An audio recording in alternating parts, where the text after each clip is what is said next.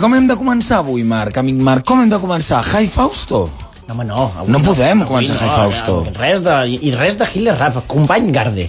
Treu Sí. això, treu això, que per saludar el nostre gran amic, company de batalles, company de, de tot a les nits de matinades d'Onda Cero, hem de posar una Nadala per dir-li les bones nits. Ah, això m'agrada més, això m'agrada més. Bona nit, amic Fausto. Bona nit, company de batalles. Bona nit, bon Hanukkah, Fausto. Bona Naviduca, no sé, traieu un rap del Hitler i em poseu una Nadala cantada pel aquest gran alcohòlic assetjador, assetjador de dones que és el Dean Martin. Però no li diguis així, home, una persona que simplement estimava les dones, un home ple d'amor. No van entendre com estimava les dones, però ella, ell les estimava. Clar, Ah, amb una part del seu cos, sí. a la del seva manera, home. Com estàs avui? Com et, com et troba la nit? La nit, abans de Nadal, em troba, no sé, amb, amb, amb l'esperit que respiro aquí, no sé, és una mena com d'abducció, os trobo tota cosa que respira amor, Ets conscient que, Nadal. que avui has de fer 55 minuts de bondat? 55 minuts. Hòsties, de veritat. No, no, no, no, per favor, no, no, no, no, no, no, sigut paraules aquest- com... què Càspita. aquesta blasfèmia? Os, no, home, no, Càspita. de veritat, porta't bé, per favor, Recorcholis. Fausto. Lo intentaré. Sí, no? Sí, con vuestra ayuda. With a little help of my friends here in No Sonoras. No, no passa res, escolta, obre't, obre't al grup, explica Obre't? què és el que et passa. ¿Obrat? No, a mí no me pasa nada. No? No, Estàs no, segur? no. Ostras, és una cosa Avui molt no, estranya. avui no diem Hail Fausto, avui diem benvingut, Fausto. Estimat Fausto. Jingle bells, myself. All your days be merry, your seasons full of cheer. Aquest especial Que bello és vivir amb, Oh. amb el Fausto avui, que esperem que evidentment farà un bon anàlisi i deixarà la pel·lícula Que bello és vivir per, pels cels, que és Clar, el d'aquesta gran pel·lícula. Clar, clar que sí, clar que sí. Una pel·lícula que ja se sap, eh? la fan cada Nadal Però i abans, ens encanta. abans resolem l'enigma, aquest enigma que sempre porta tantes dificultats però que tanta joia porta als cors dels nostres oients. Exacte, recorda'ns-el, recorda'ns-el i digue'ns el resultat, si us plau. Amic Carles, amic Marc, aquest petit enigma que plantejo setmana rere setmana només per incentivar la intel·ligència i l'esbarjo dels nostres estimats oients, Sí? deia que buscàvem un extraordinari, un extraordinari actor a qui van matar moltíssims cops a Mèxic, pobret. Dos d'ells els va matar, va morir a mans de l'Indio Fernández, però va ressuscitar després de ser-hi a l'este de l'Eden per posar firmes al director i a l'actor de la peli o un dels pretenents de la Mary ho gravava tot. I era una peli on... Bueno, era un actor que va sortir moltes pel·lis i una d'aquestes pel·lis, per mi, la favorita, sonava aquesta banda sonora del Jerry Fielding que sentirem ara. Si plau, Carles, me la poses? Abans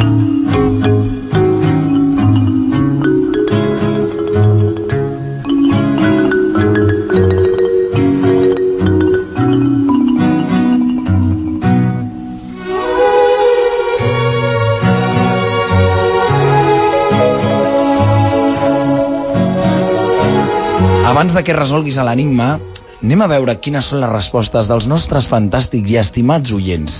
Marc, amic Marc, Digues. endavant. Llegeix aquestes fantàstiques respostes. Home, hi ha, molt, hi ha moltes respostes. Continua un duel, un duel, però aquest cas eh, un duel sempre amb estimació, amb respecte, entre la Míriam Franco Amb amor. i el Miguel Asensio. El Miguel Asensio et diu uh, Albert Decker com a resposta. És correcte? No és correcte. Albert Decker sortia a Grupo Salvaje, on també sortia l'actor que estàvem buscant. Albert Decker, avui no és la nit per parlar d'ell, ens reservarem un Hollywood xungo per l'Albert Decker d'aquí unes setmanes, quan passi aquest esperit de bondat i de pau i d'estimació. Ah, diu, Albert Decker, com ha arribat fins a ell? Que ho expliqui la Míriam, que ho fa molt bé. Veus? Això, és- això, Clar, això és cedir, a, a cedir una mica la importància de les paraules a un altre oient. Així m'agrada que Tireu floretes, tireu-vos vosaltres. floretes Fausto, què em regalaràs per, per al Santa Claus? Diu, diu que ella regalarà un nubarring, jo no sé què és, del Cash Converter, un nubarring, no sé, deu ser una espècie d'anell. En el Peneano. Sí, ell Jo tinc, jo tinc un Anal Intruder de Top Secret mm, amb tot el meu cor se'l vull, se vull mm, regalar vull que Santa Claus entri per la seva xemeneia darrere i, i li doni aquest present amb tot el carinyo Que bé que, té parla, Nadal que bé que parles, Fausto. Oh! Quina, quin coneixement i quina causa que té aquest Que home. ets maco, Fausto. Gràcies a l'enigma d'aquesta setmana, diu el Marco Antonio, he pogut redescobrir actors mexicans dels anys 40 i 50 com Indio Fernández, Pedro Armendáriz, Dolores del Río o Katy Jurado. La meva resposta, diu el Marco Antonio, és Charles Bronson.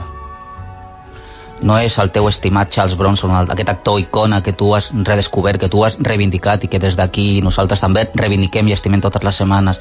No és Charles Bronson, t'has equivocat, ho sento de veritat, em sap molt de greu que t'equivoquis, però, però si has arribat això a redescobrir aquesta generació d'actors mexicans que van treballar entre els anys 40 i els 50 i després als 60 entre Mèxic i Hollywood, estic molt feliç per tu.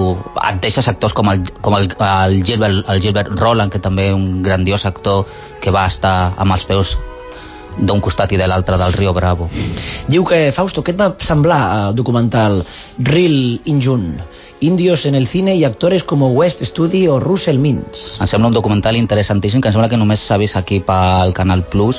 Em sembla estupendo perquè fa un, una mena com de repàs de tots els actors nativoamericanos que, bueno, que són és, és essencials a la història del cinema no només per fer del que sempre els hi han obligat a fer, que és d'indis, doncs a westerns, i fa un, una trajectòria per tota, per, per tota aquesta llista d'actors, entre ells aquests moderns que ell parla, com el West Studi, que és un clàssic des de Bailando con Lobos, o El último Moicano, es deixa també gent com a Graham Greene, que també sortia a, a, a Bailando, con Lo, a Bailando con Lobos, bueno, no, em sembla un, una tria estupenda. M'agrada que la gent vegi documentals i que els agradi el món dels indis A americans. nosaltres també. A nosaltres també ens plau, sí.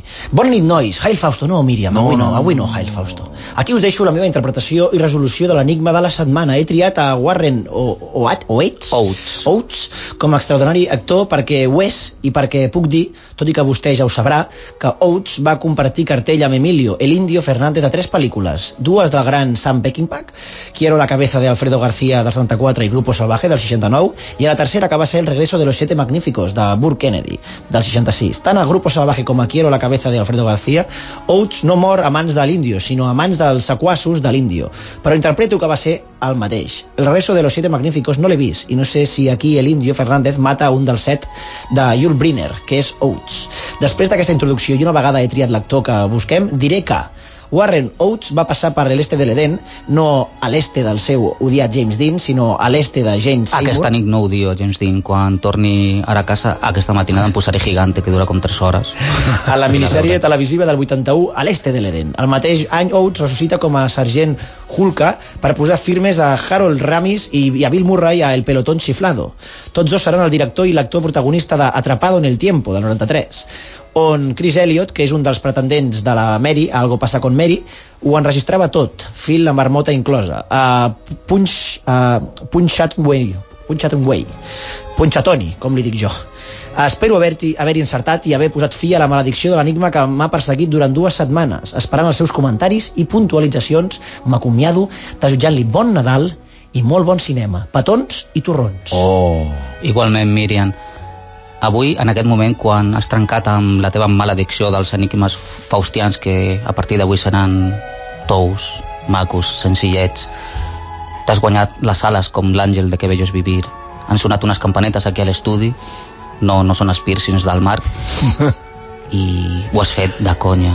Has resolt l'enigma, ho has fet estupendo, has anat punt per punt, has trobat totes les pistes, tots els protagonistes, totes les pel·lícules, fins i tot la minissèrie de a l'este de, a, la de a l'este de l'Eden amb la Jane Seymour adora Jane Seymour també quan, també quan arriba a casa em posaré la doctora Quinn la temporada primera sencera En la posada et diu, si et plau, Fausto, si has de destripar avui pel·lícules de Nadal, no em destripi massa Que bello és vivir, que és una de les meves favorites en la meva llista de pel·lículones. aquest silenci. Suposo que estàs reflexionant Sí. i estàs respirant, perquè avui li hem demanat, si plau, reflexiona abans de parlar. Exacte. Estic aquí al racó, m'ha dit Supernani Garde que em vagi al racó a reflexionar. Avui amb amor, amb amor, tot amb amor. Al racó, però amb amor. Reflexiona. De cara a la paret. Ara ja entrem a, en el moment de pregs i preguntes, perquè avui no hi ha crítiques, avui són només pregs Sí, i sí, preguntes. sí, sí, sí. Et diuen a l'Ivan, a l'Ivan de Pierre, et diu, digue-li al Fausto, a més tenen joia al seu cor i et, et donen regals, que tinc un, un fotograma dels curs de la Kate Winslet i de l'Scarlett Johansson. Diu, li venc el de la Kate Winslet. Amic, amic Ivan, no li venguis. Regala-li, regala-li, Nadal, és sisplau. època de compartir, de regalar. Ivan, això que fas de retallar els fotogrames de les bobines de les pel·lis és una cosa que no, que Lletja, no es pot lletja, fer. lletja. Hòstia, de veritat, perquè després quan torni aquesta bobina a un cinema de reestrena, encara que ja no hi queden perquè estan tancant a cinemes, doncs faltarà aquell moment. Jo, que tinc un amic que retallava tots els fotogrames de ties ensenyant els pits, doncs això, després, quan arribava fins i tot la peli a una televisió, doncs, fa, doncs faltaven aquestes escenes. Lleig, és pecat, no pot això, ser, és pecat, censura, no. Sí, sí, sí. censura en, aquest, en aquest moment Molt malament. vida, no... tu no em vols vendre aquests fotogrames retallats i tallats jo no, jo et regalo unes fotos que tenim a l'arxiu de fotogrames unes fotos impertinents de l'Scarlett Johansson sense roba interior va tenir un descuido però ella és humana, també és molt maca està molt bona però també és humana això ho tindràs, te'l La- portant a les Reis xato. L'amic Boira eh, diu Showgirls es el truño más infumable de la historia. Bueno, Es la cacona, Marc, la sí, cacona. eh, solo a la altura de Gladiator. Fausto, me desconciertas. em sap greu provocant tu aquesta mena com de sensació contradictòria però mm, m'heu d'entendre jo ho diu Gladiator, sí, et, et, et comprenen com molt malament Gladiator perquè és del Ridley Scott i ho diu el Ridley Scott però Showgirls va representar tant per la meva edu educació sexual per la meva adolescència que que la tinc, la tinc en un raconet del cor i sempre que arriben aquestes dates, aquestes nits Te la poses. de melangia, doncs me la poso i me poso veient Showgirls perdona'm si no t'agrada, ho sento Però amb amor, sempre amb amor. Et donen, amor. et donen les gràcies per la crítica que vas fer de Dragon Ball si l'hagués fet avui no hauria estat la mateixa i també les gràcies, bueno, se'n riuen molt de les piranyes, que els hi va agradar molt el, el Hollywood dificultós que fas tu, el Hollywood eh, obscur, Hollywood accidentat Exacte, accidentat exacte. que vas fer sobre les piranyes, que van riure molt eh, tant per fora com per dins. Espero que a banda de riure tingueu no sé, també un record per a aquella gent que va patir tant perquè després vos, vostès, vosaltres veieu aquestes pel·lículetes amb bitxets i gent que cau als rius tingueu-lo present en aquestes dates Bueno, i ara anem a la crítica constructiva, sempre incloent el pompis de la Kate Winslet.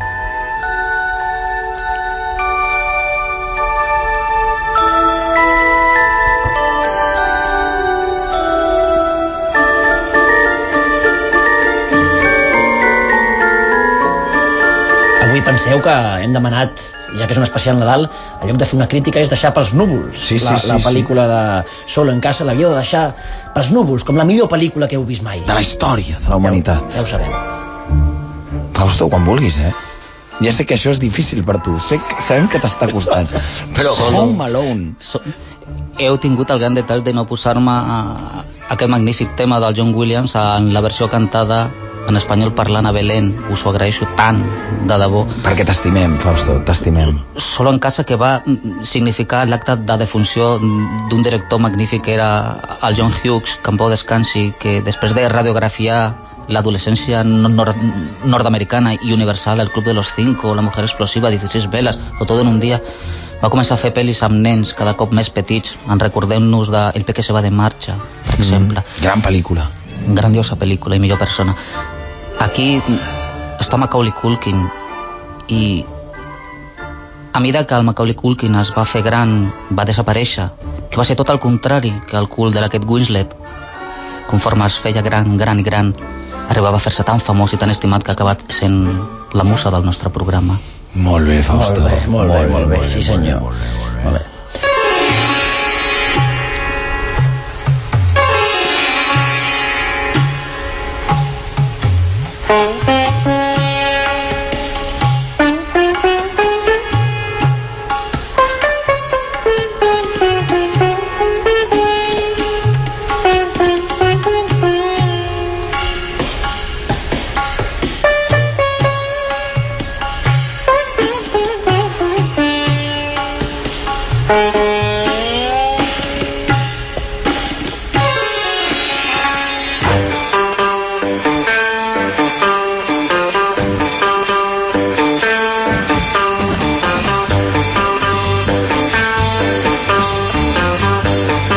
Amics, eh, no volia posar-me trist. Eh, estem fent un homenatge al Blake Edwards que ens va deixar el dijous passat i sí, podria haver posat el Moon River de Desayuno con Diamantes o el Días de Vino y Rosas de la peli homònima però he decidit posar aquest tema tan alegre de El Guateque, una de les seves obres mestres. Blake Edwards ens va morir, el rei de la comèdia, l'home que va fer la Pantera Rosa, Mm -hmm. que va fer també el Peter Gunn, que, era, la- que és la sintonia del nostre, del vostre programa. Sí, sí, és veritat. I va fer Víctor Victòria, tantes obres mestres. Ens, ens, ens va deixar, estava casat amb Mary Poppins, amb Julie Andrews. Va fer que ensenyés als pits a Sop, una obra mestra que ha sortit en DVD fa quatre dies.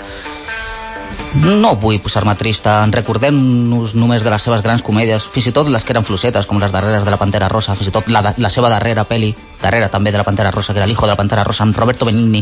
No vull ser dolent amb Roberto Benigni. No, no, no, no. Avui he vingut sense, sense cotxe i no crec que Benigni estigui per aquí, per les Rambles. Perdona-li, perdona-li avui a no Alberto pot passar Benigni. res. Faré com Ralph Fiennes a la llista de Schindler. Te perdono, Roberto. I bueno, un record pel gran Blake Edwards, si plau, si trobeu alguna pel·li d'ell per la tele o en DVD, us la podeu posar. Si us poseu al Guateque, gaudireu tant, és una pel·li magnífica. Blake Edwards. In Memoriam Blake. Descansi en pau.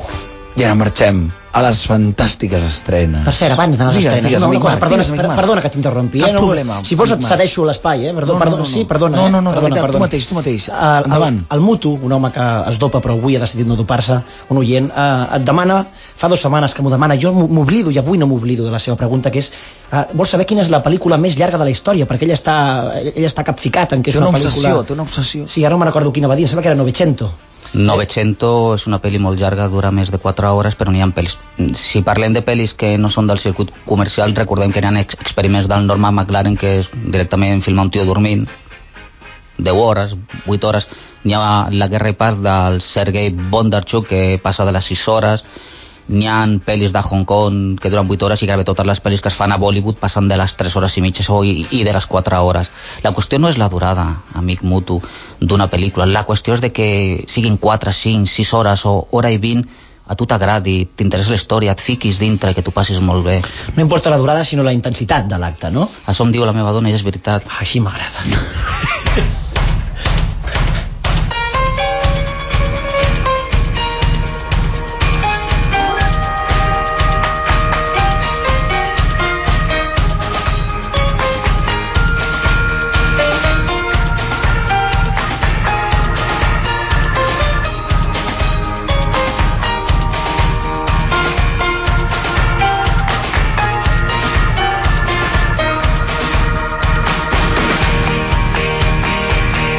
que bé, amics. Estem sentint el tema principal que ens, ha acompanyat a les altres dues pel·lis de el que ara és una trilogia.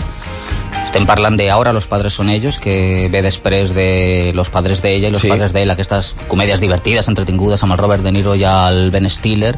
A la segona es van incorporar el Dustin Hoffman i, i la Barbara Streisand. Els millors papers de la seva vida. Els millors papers de la seva vida, sí senyor.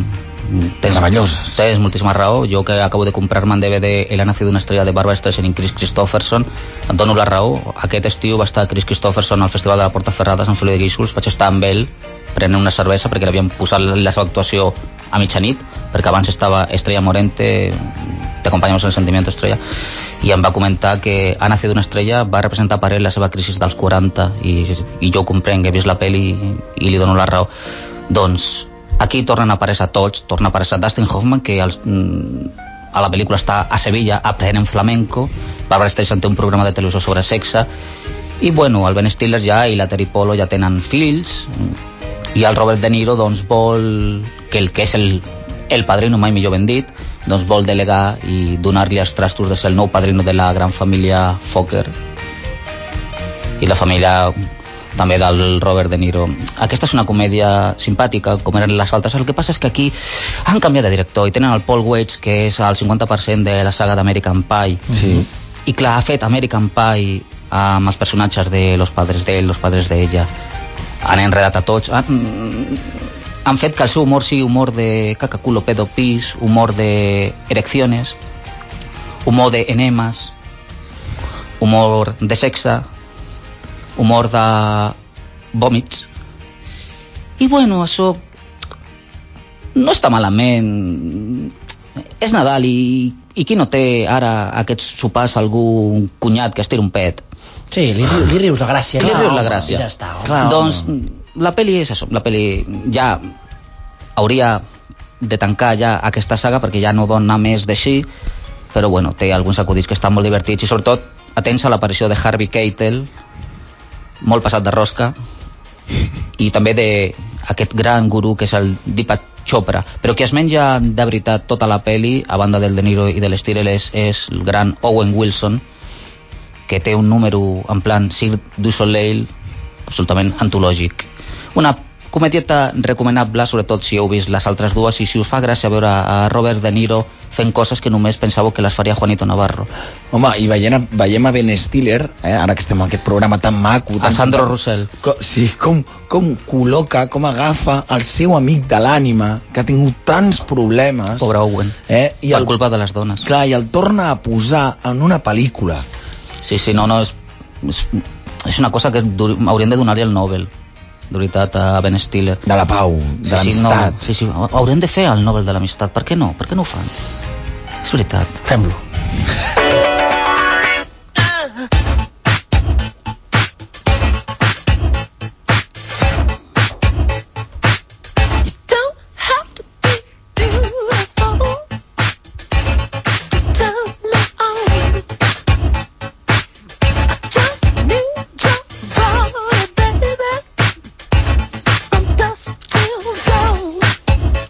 Gran Prince, Kiss.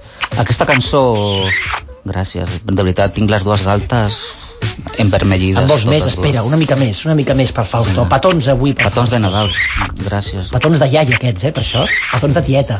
Sí. Hòstia, hem deixat un mena de xupetón aquí. Doncs a, aquesta cançó la, la destrossa una miqueta, però s'ho hem de perdonar al Jack Black, a aquesta mena de tonteria que dura hora i quart, que es diu Los viajes de Gulliver, en 3D. Hem de dir que les 3D són millors que les de Tron Legacy. Prometo tornar a veure Tron Legacy, igual m'agrada. És Nadal. I la pel·lícula és, només està reservada per la gent que és fan de Jack Black i li agrada veure Jack Black fer el que sempre fa, que és fer lo del Guitar Hero, mm, ensenyar el cul, El galifardeu.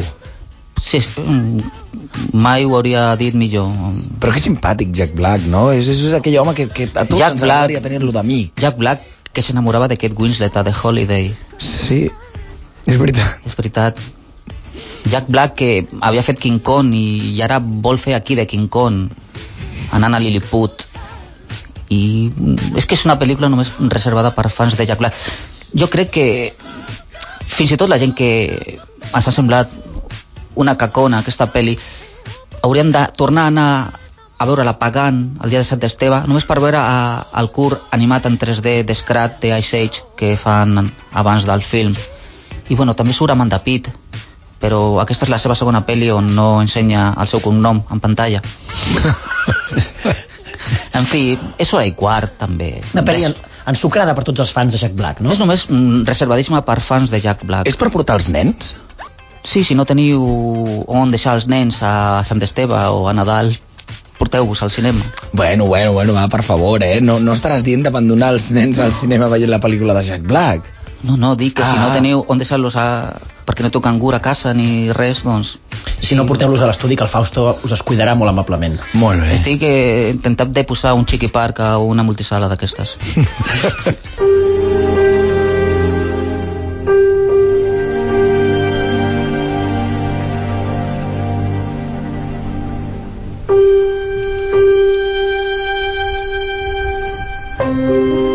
Bonic, amics. Estem Quines sentint eh? l'estupenda banda sonora de l'Alexandre Desplat, que és aquest compositor francès que ara està fent totes les bandes sonores a Hollywood. Quin piano més melindrós, eh?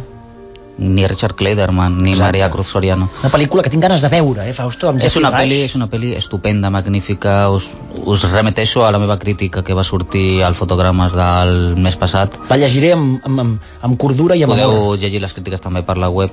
I estem parlant del discurso del rei que és una d'aquestes pel·lis angleses tan ben fetes, amb un guió tan estupendo amb uns actors en estat de gràcia el Geoffrey Rush està magnífic, a més està contingut no està tan passat de voltes com altres vegades i el Colin Firth, que ja sé que a tothom, a tothom li agrada el Colin Firth és, mm, està una miqueta gordo però a la gent li agrada No, no, no, està grassonet. Ha entrat en quilets. Exacte, home.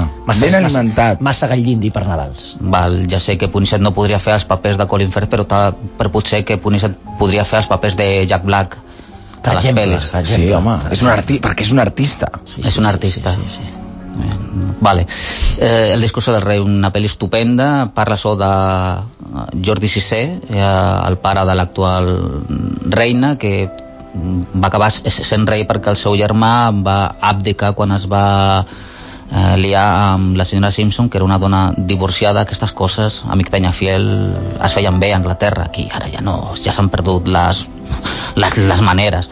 I a més tothom sap que la senyora Simpson era un tio, hi ha llegendes urbanes que parlen que era un tio. Doncs, bo, doncs bé, eh, Jordi VI tenia un problema que era tartamut i aquesta pel·lícula parla d'això, de com va trobar una mena com de logopeda australià que li va fer un fotiment de coses divertides una teràpia molt xung, molt xulíssima per poder parlar i fer-ne discurs sobretot a, quan ja tenien la Segona Guerra Mundial a sobre la pel·li bàsicament és un duel d'actors recordem que també passa per allà Helena Bonham Carter Uh -huh. que espero que li portin desodorant i colònies al Santa Claus i al Reis Mags. Segur que sí, no ho dubtis. Aquest Té Nadal. un problema de sudoració, pobreta. També un problema de fongs vaginals. Sembla la flora de Pandora. Fongs vaginals tenen la seva importància en el cos. és bàsic, És ja important. sap, i si no actimel. Per què sua el nostre amic Fausto? Està com suant, Sí, està què, com què t'està compungit. passant, Què està- Fausto? És que no sé, és que no puc dir, que broteja Helena Bonham... Mai, mai, broteja. Carter. La, la, no hi ha dones lletges ni dones que brotegin ni que suïn ni que estirin No, pets. estàvem parlant de, del Blake Edwards de la Pantera Rosa. Us en recordeu quan el comissari Dreyfus, el gran Herbert Lom, començava a tindre tics davant de Clouseau? Sí, Comença a tenir tics, Vale, Fausto. molt bé. Doncs el, el discurso del rei és una pel·li estupenda, magnífica, de diàlegs. Crec que és una de les pel·lis favorites ja pels Globus d'Or i serà una de les pel·lis favorites pels Oscars. Estàs en sintonia amb la gent que pensa que Colin Firth guanyarà l'Oscar?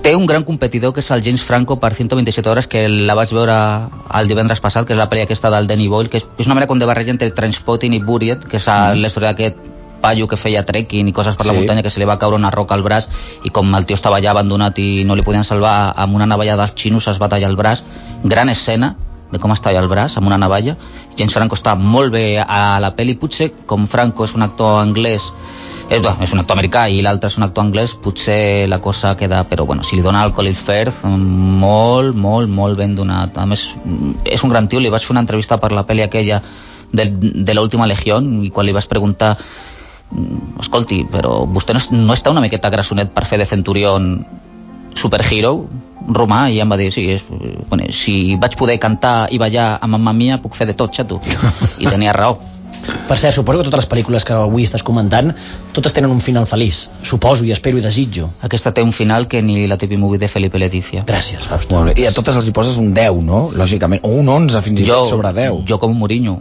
un 11 Un 11. quin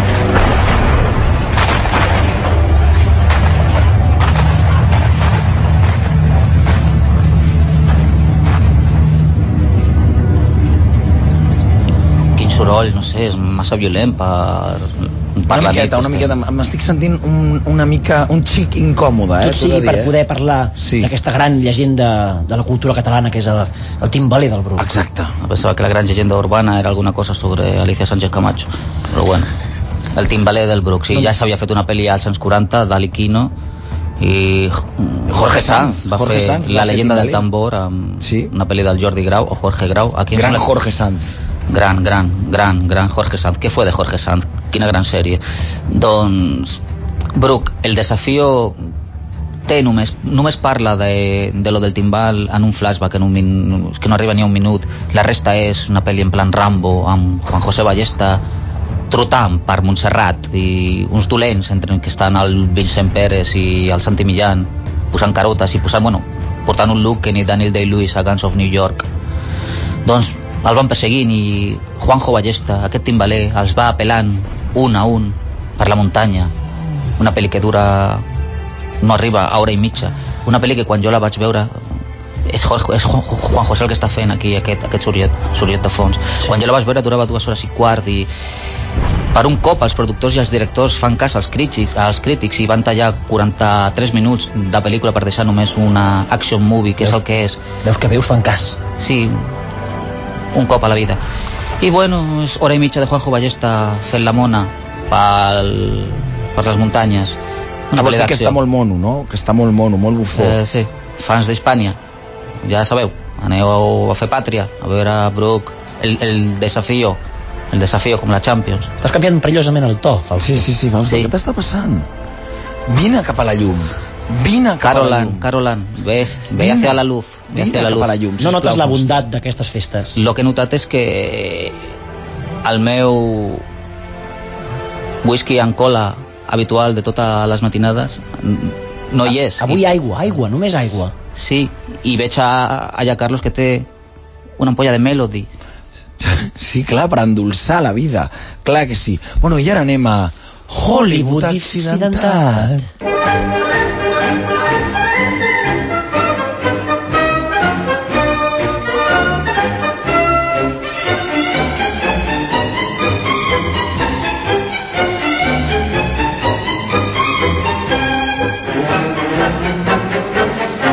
Bueno, vale, ja, hòstia. Què, què, què, què? Hollywood accidentat. Hollywood Ho- accidentat. No, no, però és que no pot... Prou ja, prou ja, prou ja. Es, es, es, estem sentint aquesta ensucrada música de Santa Claus, de movie. Com ens agrada. Santa Claus la pel·lícula. La porto al Què cotxe. et passa, Fausto? Tu que portes el trineo i, i Rudolf, no, que m'estic posant més vermell que el nas del Rudolf. Ja, prou, ja, ostres, ja, vale, no, hòstia, val una estona, no, amb, amb, el Nadal, però Hollywood xungo ha de ser Hollywood xungo. O sigui, jo no puc parlar aquí de tot el que vaig ara a dir del rodatge xunguíssim d'aquesta pel·li, de Santa Claus de Movie, sense, no sé, amb aquest to de Teletubi, no, Tota, xato? No, tota no, la vida no, té no. la seva costat, el seu costat bo. Comencem. Hollywood eh, xungo. Hollywood xungo. Així m'agrada. Santa Claus, la pel·lícula. Va ser un intent de repetir uh, la fórmula de Superman. O sigui, tenim els productors que eren Alex, l'Alexander i Lilia Salkin, que eren uns russos que havien emigrat al Canadà i després havien anat a, a Anglaterra i que bàsicament van fer la seva fortuna amb el contraband d'alcohol i amb el tràfic de drogues. O sigui, una pel·li estupenda, una gent magnífica. I tenien lligams amb la màfia i Santa Claus, la pel·lícula, eh, es va poder fer per blanquejar, mai millor ben dit, perquè estem a Nadal, Navidades blanques, per blanquejar diners de droga i de la màfia. Tenien un altre soci que era el Pierre Spengler, que aquest sí que era canadenc, francòfon, i que es va fer també ric eh, amb el tràfic, però aquest cop d'immigrants il·legals des de Canadà fins a fins als Estats Units i que quan la guerra del Vietnam i molts mm, nois que van ser doncs, mobilitzats per anar a la guerra fugien cap a Canadà, aquest tio estimava i tangava, es quedava en pasta i si podia tornar-los cap a, als, als Estats Units i que anessin a morir a, les, a la jungla del Vietnam, el tio ho feia. Doncs això, tenim la pasta dels narcos, tenim aquesta gent, grandiosos productors que havien, això, havien, s'havien fet mil milionaris gràcies al Superman del, de Richard Donner i la segona i la tercera part també van funcionar molt bé, doncs buscaven un director perquè tenien un guió. El guió era un guió que era per una seqüela de Superman. Només van canviar. On posava Superman, posava Santa Claus. On posava Nova York, sí, van posar Nova York perquè també surt Nova York. On posava, no sé què, els, els enemics del planeta Krypton, doncs van posar el Pol Nord i els Elfos. Estupendo. I vam buscar un director. Ningú volia di- dirigir la peli, naturalment, no té... Si hagués estat al començament d'aquest programa, igual haurien enredat algú, però ja s'ha acabat, s'ha acabat la broma, xatos, i van agafar a Jan Schwartz, que era un director canadenc que havia dirigit Supergirl. Si algú ha vist Supergirl, que vingui i que m'expliqui lo de l'esperit nadalenc, ¿vale? I lo de les caquetes i aquestes xorrades. Meravellosa pel·lícula, eh? Perdona, Supergirl, m'agrada moltíssim. i tu és més de les supernenes, les supernenes Z. Doncs això, Schwartz va fer la peli, encara bé la va fer tota, fins que li van acomiadar quan quedaven dues setmanes per acabar el rodatge. I dic que el van acomiadar per no dir que va agafar la baixa no voluntària, perquè aquest, el nostre amic Schwartz eh, va tenir la tonta idea de tirar-se a una de les extras que era l'amant d'un dels mafiosos aquests que estaven posant pasta. Naturalment, quan tens les dues cames trencades, un accident de rodatge, de rodatge van dir, doncs no pots acabar la peli. I la peli la va acabar dirigint el mateix coproductor, el Pierre Spengler, amb el director de segona unitat. ningú diu Hollywood, Hollywood accidentat. Que triste. No puedo. Què passa, Fausto? Ara anem... No, estic al meu món. Estic... Si, sisplau, gent, truqueu, eh? Hòstia, envieu missatges. Actors. Sant, a Santa Claus el paper li van oferir al Marlon Brando. Ja l'havien enredat amb Superman, o sigui, sortia 3 minuts i va cobrar no sé quant, o sigui, va ser el actor millor pagat de la història, però el Brando no va voler fer un paper massa llarg, ni posar-se barbes, ni un vestit vermell. I va dir que volia una cosa curteta, però això sí, que volia moltíssima pasta. Llavors van a una mena com d'acord, val, Brando, tu no fas de Santa Claus, però faràs de 10. O sigui, tu surts o a una esceneta, en plan Jor-El, el pare de Superman, i li dius Hola, Chris Kringle, soy Dios. A partir d'ara serà Santa Claus. I el tio, hòstia, estupendo, eh? mola. Li dono la immortalitat a Santa Claus i cobro una pasta.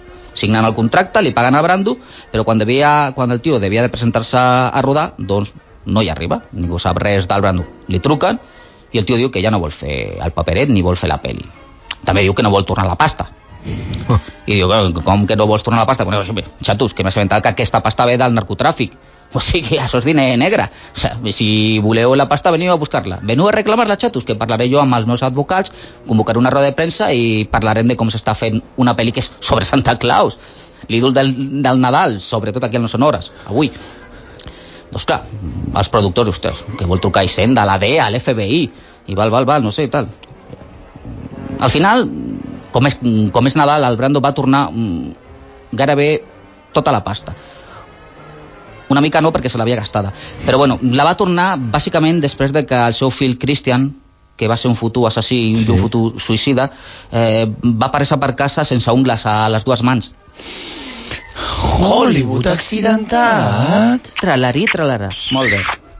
Brando, tota la pasta que es va polir la va acabar pagant anys després sortint a una altra producció del Salkin, que era Cristóbal Colón, El descubrimiento. Una obra mestra. Si algú se'n recorda Tom Selleck fent de El rei Fernando el Catòlico i Sigourney Weaver fent de la reina Isabel, doncs vinga. I Josh Correface, que no és Correten de Face, que és un, el seu nom alternatiu, també, un clàssic. Ah, ara anem al paper de Santa Claus. Estic sola, est- amics, m'heu de comprendre, estic sola a l'estudi, ha una mena aquí com de, com de cosa estranya. T'has acompanyat amb la nostra Ara noia. necessites que t'abracem una mica. Vols que no, t'abracem? no, no, gràcies, no, no. No, això de la teràpia de abrazos gratis, no. Beu aigua, beu aigua. Va, va, va, beu. beu. Que de beure aigua, jo aquí, aquí he acostumat a, joder, al, al Valentes. O sigui, el paper de Santa Claus mm, també, ningú el volia fer. S'està posant molt nerviós. Ai, aigua, que, i a més, d'on tret? Aquesta aigua, d'on collons tret? Doncs el paper li van acabar donant a un tio que és l'últim de que es va presentar al càsting, que era un actor, un secundari del cinema també i de la tele, que era el David Huddleston, Uh -huh. i bueno, va començar a rodar, mm, en principi no tenia cap problema, però n'hi havia un que era que per aquelles dates, a mitjans dels 80, el Huddleston va com, començava a patir demència senil. I bueno, que si l'oblidessin els diàlegs tampoc va ser tan dolent, com que al, alguns cops, sobretot a, quan ja portava ja tres quarts de, de rodatge, va començar a actuar d'una manera molt rara, en plan bipolar, no? De vegades estava com vosaltres, abraçant i donant petons als nens que feien d'orfes, que eren els coprotagonistes del film, i d'altres els, els deia borrades, els insultava i els donava d'hòsties. Pobre nens, no? Però bueno, Hollywood accidentat. però bueno, això es va acabar després dels petons, però tot posar un efecte, no sé, d'hòsties. doncs, No n'hi ha avui d'aquests Ah, No, no, no, no. Avui hi ha carícies. Les carícies no sonen. Està sortint una al·lèrgia. El Fausto. Està, sortint un eczema en directe. Menys mal que no és televisió. Doncs, bueno, Vols per que arreglar això, per... cremita, sí.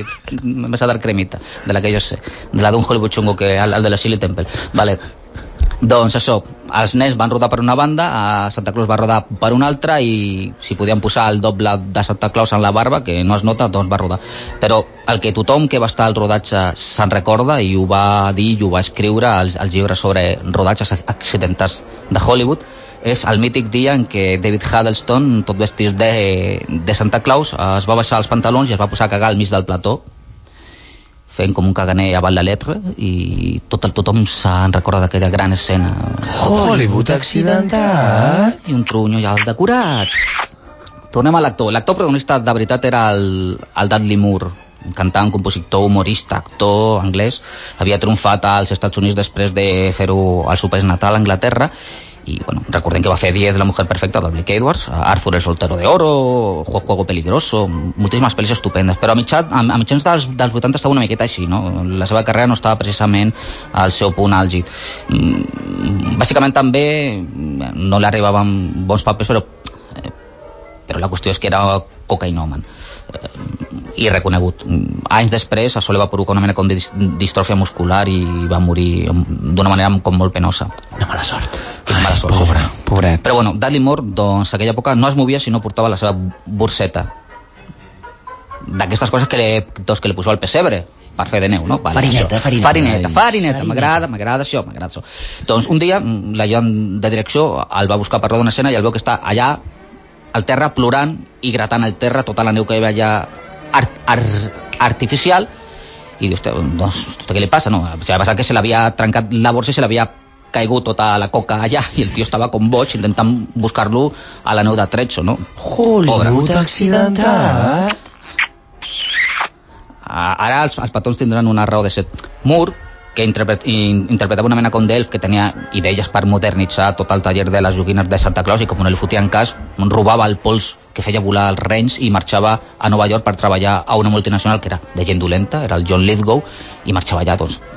Ell el que va dir és que no volia rodar en nans, en nans de veritat, que no, que no volia rodar en nans. Dudley tampoc era precisament Karim Abdul Dabar, més aviat era una miqueta com Torre Bruno, i tothom va dir, bueno, és una qüestió d'ego i tal, no? que no vol treballar amb nans. Bueno, ja s'ho van fer el típic que fan a totes aquestes pel·lis, també ho va fer el Tim Allen, que és posar nens. Van contratar nens, li van posar les orelles aquestes falses, en punxa, i, i van fer d'elfos. Quan Dudley va morir ja, ja, ja, ja es va publicar la seva bio, bi- biografia, evidentment no autoritzada, d'amor, doncs vam trobar la raó de per què no volia treballar amb nans i tot neix de quan el Dudley tenia 8 anys i ja, i acompanyava els seus pares, que eren artistes de music hall, doncs, per diversos te doncs, teatres de varietats i tal. Doncs Moore, una una, una nit d'aquelles, va patir a la seva habitació de l'hotel abusos sexuals per part, per part de tres nans que treballaven a la companyia. O sigui que, amics, eh, aquesta mena com de mal rotllo que teníem els nans és perquè nans havien violat a Dudley Moore. Hollywood accidentat. Us, us imagineu a nans violant algú? No. Mm, Què és violar? Hola, l'altre. No sé trucar a l'Asensio, igual t'ho explic. No entenc aquesta No, no, jo. Bueno, va, va, va, vale, va. Jo Sí, tampoc, jo tampoc. jo vaig a pinyó fijo, o sigui, tampoc no tinc cap problema. Bueno, nens, tenim el tema nens. No tenim nans, però tenim nens. I això què obliga? Que ten, necessiten dos monitors, gent que s'encarregui dels nens, professors i tot aquell rotllo i tal, no? I van contratar, doncs, a uns quants. Però van contratar un que venia amb un currículum estupendo i, a més, el tio es, es, es portava molt bé amb, amb, amb, amb els nens, els, sempre estava doncs, ajudant-los a, doncs, a prendre's el paper, doncs els ajudava també amb, la, doncs, amb les coses del col·legi i tal, i bueno, mm, si, a, si avui estiguem al Hollywood Chungo de, de la setmana passada, segurament el Marc i el Carles ja estarien ja pensant "Ah, aquí passa alguna cosa, aquest tio és un puto pederasta. És que un puto pederasta, però aquí no diu res. No. Hollywood accidentat. Doncs tan accidentat que quan li van enxampar la seva ruló doncs, masturbant a dos nens de 7 anys. També diu accidentat ara. Vinga, va. Hollywood accidentat. Estupendo, magnífic. Doncs després d'aquest accident pajillero amb nens de 7 anys, aquest tio el van detenir, eh, però quan va arribar a la comissaria es va presentar al seu, en teoria, entre cometes, advocat. I mentre parlaven, en privat, el pedòfil té un, un atac de cor i mor. Cau sobre la taula. Hollywood accidentat. accidentat perquè encara la policia de Londres està investigant què va passar i sobretot qui era aquest tio que deia que era el seu advocat que després de que va morir va sortir i ningú l'ha tornat a veure mai més. Un sicari, potser? Oh, Ha dit sicari. Oh, oh, oh, ha dit Marc, sicari. no, no diguis aquestes coses, per favor. No existeixen els sicaris. No existeixen? No. Disseny dolent. Clar, home, Senyors és dolents. l'home del sac. sí, l'home del sac de la coca de Dudley Moore. Vale. Tornem a la coca i... Tornem a la neu. Eh, M'agrada la coca de Nadal. A mi també. No sabem si Dudley va recuperar la coca, però bueno, no passa res. El que sí que sabem és que a la cabanya on estava el Chris Kringle, allà al decorat, el director volia un to blau de neu. I li van dir, po- pots posar doncs, il·luminació perquè sembli així aquest to blauet com té l'Steven Spielberg quan roda de nit. El tio, no, no, no, és que amb il·luminació no mola, jo vull que agafeu una mena com de colorant, com de tinte i tinteu una miqueta la neu perquè queda aquest to blau i ja amb, ja amb les llums doncs brillaré, queda més xulo, val, val? estupendo. Doncs segurament ningú va mirar el prospecte del producte per acolorir la neu de blau, perquè va ser el paio allà amb la seva maquineta, fis, fis, fis, fis, colorant la neu i va sortir un núvol tòxic que va enxampar a gairebé tot l'equip de rodatge que no va poder sortir fugint. El balanç va ser de 5 intoxicats greus amb edemes pulmonars, que és el que tinc jo ara, per beure aigua, i dos més greus, que, era, que eren els paios que anaven escampant aquesta mena com de colorant i que van tenir una cosa que també podeu dir Hollywood accidentat, que va ser un desprendiment de retina. Hollywood accidental. Sí, però tothom estava molt amb colorins. Sí, com els barrufets. El blau és un color... Maco. Maco, d'esperança. No és el verd, però gairebé. Quasi, s'hi quasi. Bueno, anem a una altra cosa desesperançada, que són els rens. Bueno, si Superman volava, ja recordem-nos que en, en el fons Santa Claus de Movie és Superman, amb un tio gros en barba blanca, Sí. doncs aquí qui volaven era tothom que entrava en contacte amb el pols màgic del pinso dels rens. O sigui, volaven els rens, però també la gent, si es ficava això per sobre, doncs podia volar. Volava Dudley Moore i volaven la resta dels actors, els nens. El tema era aprofitar el trasto aquell amb els cables dos patentat a, al primer Superman. Christopher Reeve, que en pau descansi, doncs el primer que va fer és trucar als actors, els que eren amics seus, i s'hi va dir una cosa, aquest aparell té un petit problema, sobretot si sou tios, és que us pot cascar els sous cosa mal. O sigui, que aneu en compte, vigileu i tal. Val, val. Qui ho va comprovar, comprovar en primera persona va ser el John Lithgow, aquest gran actor, el John Lithgow, i en principi ell tenia diverses escenes volant, però al final només va fer una. I cort, i curta, curta, curta. Perquè si li va clavar tot allò dels cables allà baix, sí, rieu, el pobre va patir un trencament de la borsa del, del, del testicle dret, que no sé amb qüestió medicina com es diu això. I va estar tres setmanes de baixa. Hollywood accidentat. Hollywood xunguíssim, Va, va poder volar. I es pot viure amb un testicle. Hòstia, mira Jesulín. doncs bueno, parlem dels altres que volaven, que eren els rens. Els rens eren uns animatrònics, aquests ninots doncs articulats, i bueno, quan passin la pel·li per la tele, que igual la passen, doncs us demano que us fixeu que algunes escenes n'hi ha moments en què els rens, els caps, les cares, els ulls, les potes, es mouen totes, i es mouen tots. Però n'hi han d'altres que només es mou el ren que està davant, o el que està al costat. I això no és una cosa del director. És així perquè van averiguar, i ho van averiguar sota la marxa, que si ensenien tots els ninots a la vegada, es produïa una mena com de rescalfament elèctric molt xunguíssim. I això ho van averiguar quan tots els rens van esclatar en flames, agafant l'especialista que estava disfressat de Santa Claus, lligat al trineu, perquè s'havia de moure, s'havia de bellugar, i el tio va intentar fugir, ho va fer, però es va cremar les cames, i va estar una miqueta accidentat. Hollywood accidentat. Però escolta, així no passava fred. I amb aquest petó ja directament el que no passava era vergonya aliena. Però bueno, doncs a pesar d'aquestes coses tan accidentades, la peli es va acabar. I un 23 de desembre de fa més de mig segle, aquesta peli té una preestrena, una preestrena de luxe a Londres, amb caràcter benèfic, naturalment, i Ben fet, ben fet. Sempre fet, no. pensant en la beneficència. Pels nens, tots pels nens. Ai, los niños. Doncs això, assisteix tota la família reial, la reina, Diana, el príncipe Carlos, la, la princesa Margarita, la reina Mara, etc etc, polítics, els ministres i, i naturalment tots els actors de la peli. Eh, I el camell del Dudley Moore també sembla que hi va anar. Doncs això, van decorar tot el vestíbul de la sala, el van decorar com el Pol Nord, tot xulíssim, estupendo, arriben els convidats, la catifa vermella, el fotocol, les fotos, i mentrestant els productors, el Salkin i el, i el Pierre Spengler, estaven blancs, blancs com la neu. I és que les bobines de la peli no hi eren a la cabina. I no hi eren perquè els socis majoritaris de Santa Claus, de Movie, tenien la peli segrestada perquè s'havien barruntat de que els havien estafat pasta. I deien que ni hòstia, que su pasta o no hi havia peli, clar, el Salkin. Tio, que tenim aquí a la família real.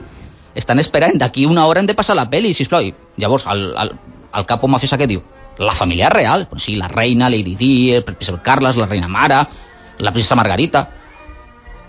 el marit de la reina, el borratxo aquest, el Felipe de Edimburgo, pues tanto, sí, bueno, està la reina, hòstia, anem, anem cap allà. Jo porto la peli, però bueno, nosaltres hem de seure al costat de la família real i després ens n'hem de fer la família real. O sigui, amics, si algun dia, buscant per les hemeroteques, trobeu les fotos de la premier de Santa Claus de Movie benèfica a Londres, veureu que al costat de la família real, allà asseguts al cine, n'hi ha una gent molt rara.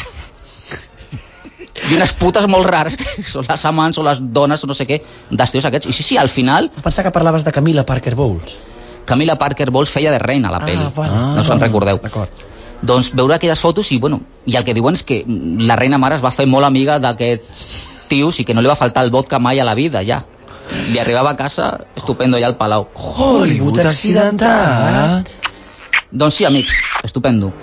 I ja per acabar, perquè ja no és un eczema, ja m'he posat ja al cap ja directament com si fos un- una mena com de pinyata a punt d'esclatar, aquest rotllo nadalenc, doncs mentre la gent estava veient la pel·li dintre, a fora, al vestíbul, al vestíbul només quedaven els, els, els, empleats, els, el, oh, els empleats del cinema, Déu meu, Tranquil, és Nadal. tranquil, és que no puc. és culpa nostra, això. Els empleats del cine, els segurates i els, i els escoltes estaven allà. I un dels escoltes diu, ostres, que xulo està tot això decorat. Hòstia, em podeu fer una foto aquí al costat del trineu? Ostres, sí, sí, vinga, va, passa el que farem una foto. I diu, ostres, que rens més xulos. Hòstia, però aquests rens que són de pega, però no, no, hòstia, això ho han dit que es mouen i tal, perquè són els de la pel·li, hòstia, es mouen, i això es pot endollar? Perquè es moguin, sí, hòstia, sí, endolla-ho, que, que, que... I ho van endollar, naturalment, van connectar tots els rens, i, bueno, sí, val, el pobre escolta va patir cremades greus, va haver un incendi al vestíbul, ho van apagar, però imagineu-vos que aquell Nadal es crema tot aquell cinema, amb tota la família real i tot el govern d'Anglaterra dintre. Hollywood accidentat. Puto Santa Claus. ¡Clarence! ¡Clarence! ¡Ayúdame! ¡Ayúdame! No me importa lo que vaya a ser de mí. Devuélveme a mi mujer y a mis hijos. Devuélvemelos, por favor. No, que no le devuelvan a nadie. Que bonic és viure, Oh. Fausto, que bonic és Que viure. bello és vivir. Preciós. Preciós, de veritat. Sabeu quan acabes odiant alguna cosa per saturació, que és com aquest festival de petons i d'abraçades i de monyeria nadalenca que és ofert aquí, una mena com de tercer grau. Guapo. Una mena com de... duc- Preciós. Uh, doncs em passa el mateix amb que és vivir, odio que és vivir. Com pot ser No, això? no odio, de veritat, no. estic fart d'aquest puto Àngel Clarence. El James Stewart és gilipolles, si has perdut el diners és tonto. No diguis però és això. tonto. No és veritat, I més, tontos, I més tontos són la gent del poble. Pobre personatge. Per donar els diners. Ah, el hombre más rico de Bedford Falls. No. Que no li donin les ales a, a aquest àngel, que a més és un àngel vell i trutxo. No. I a més, tots els Nadals, totes les cadenes, a totes hores que bello és vivir. I a més, totes les pel·lis que sempre han fet que bello és vivir. Family Man amb Nicolas Cage. Oh, que hubiera sido de mi vida si yo no hubiera nacido. Pues mira, que, que si ets algú que jo conec, doncs hauria estat la vida de puta mare. Si Frank Capra va fer la pel·lícula més meravellosa de la història. Ah, de fet, avui no la tirarem al vàter, la posarem en un altar. Si la posareu com una estela dalt de l'arbre. En un No, no, la peli va directa al vàter. O sea, vinga, va. No. Hòstia, No. llanceu ja, que És bello és un vivir. Estic fart de que bello és vivir. és un meravellós Estic conte fart, de Nadal, és fart, preciosa. Estic fart de que No. vivir. No, la millor pel·li del Nadal de tota la història és La jungla de cristal. No. Prou. Dona'm la cadena ja, No, dona, no, quita ja, no, hòstia, quita-la. no, no. Vinga, ja.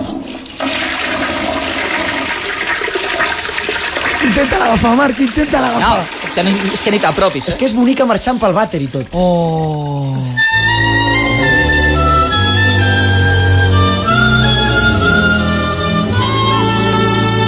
Jingle bells are jingling, the streets are white with snow. Oh, Dean Martin, una altra vegada. Estàs més maco que quan has començat la secció, Fausto. No, quan he començat la, la sessió és que no me reconeixia, de veritat. Aquest color, aquest color de galtes et, et senta tan bé. Joder, si m'heu estat fotent uns morrellos aquí que...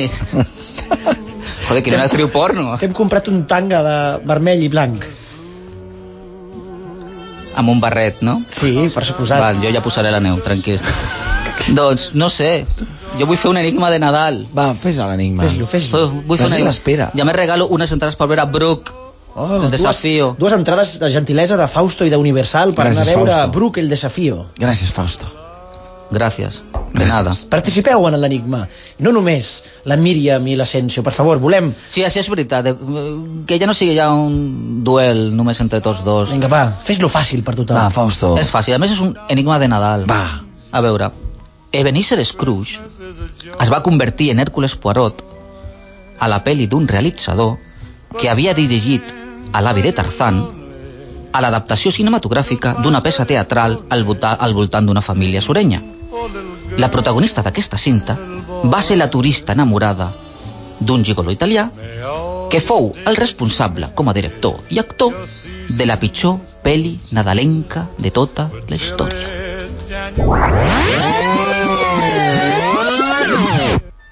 Ebenezer Scrooge es va convertir en Hércules Poirot, o Hercule Poirot, a la pel·li d'un realitzador que havia, de, que havia dirigit a l'avi de Tarzan a l'adaptació cinematogràfica d'una peça teatral al voltant d'una família surenya.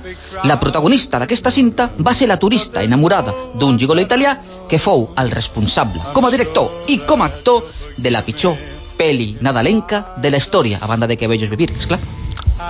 Fausto, Molt bé, molt què bé. portes sota el jersei? Ho volem saber. Si penseu que porto alguna cosa de Nadal, no! No? Què porta? Oh, guerreros. Guerreros! Gràcies, No Fausto. ens agraden les guerres, però tu sí. Que tinguis un molt bon Nadal. I un bon Hanukkah. I que el Pare Noel, el Cagatio i els Reis et portin lo millor.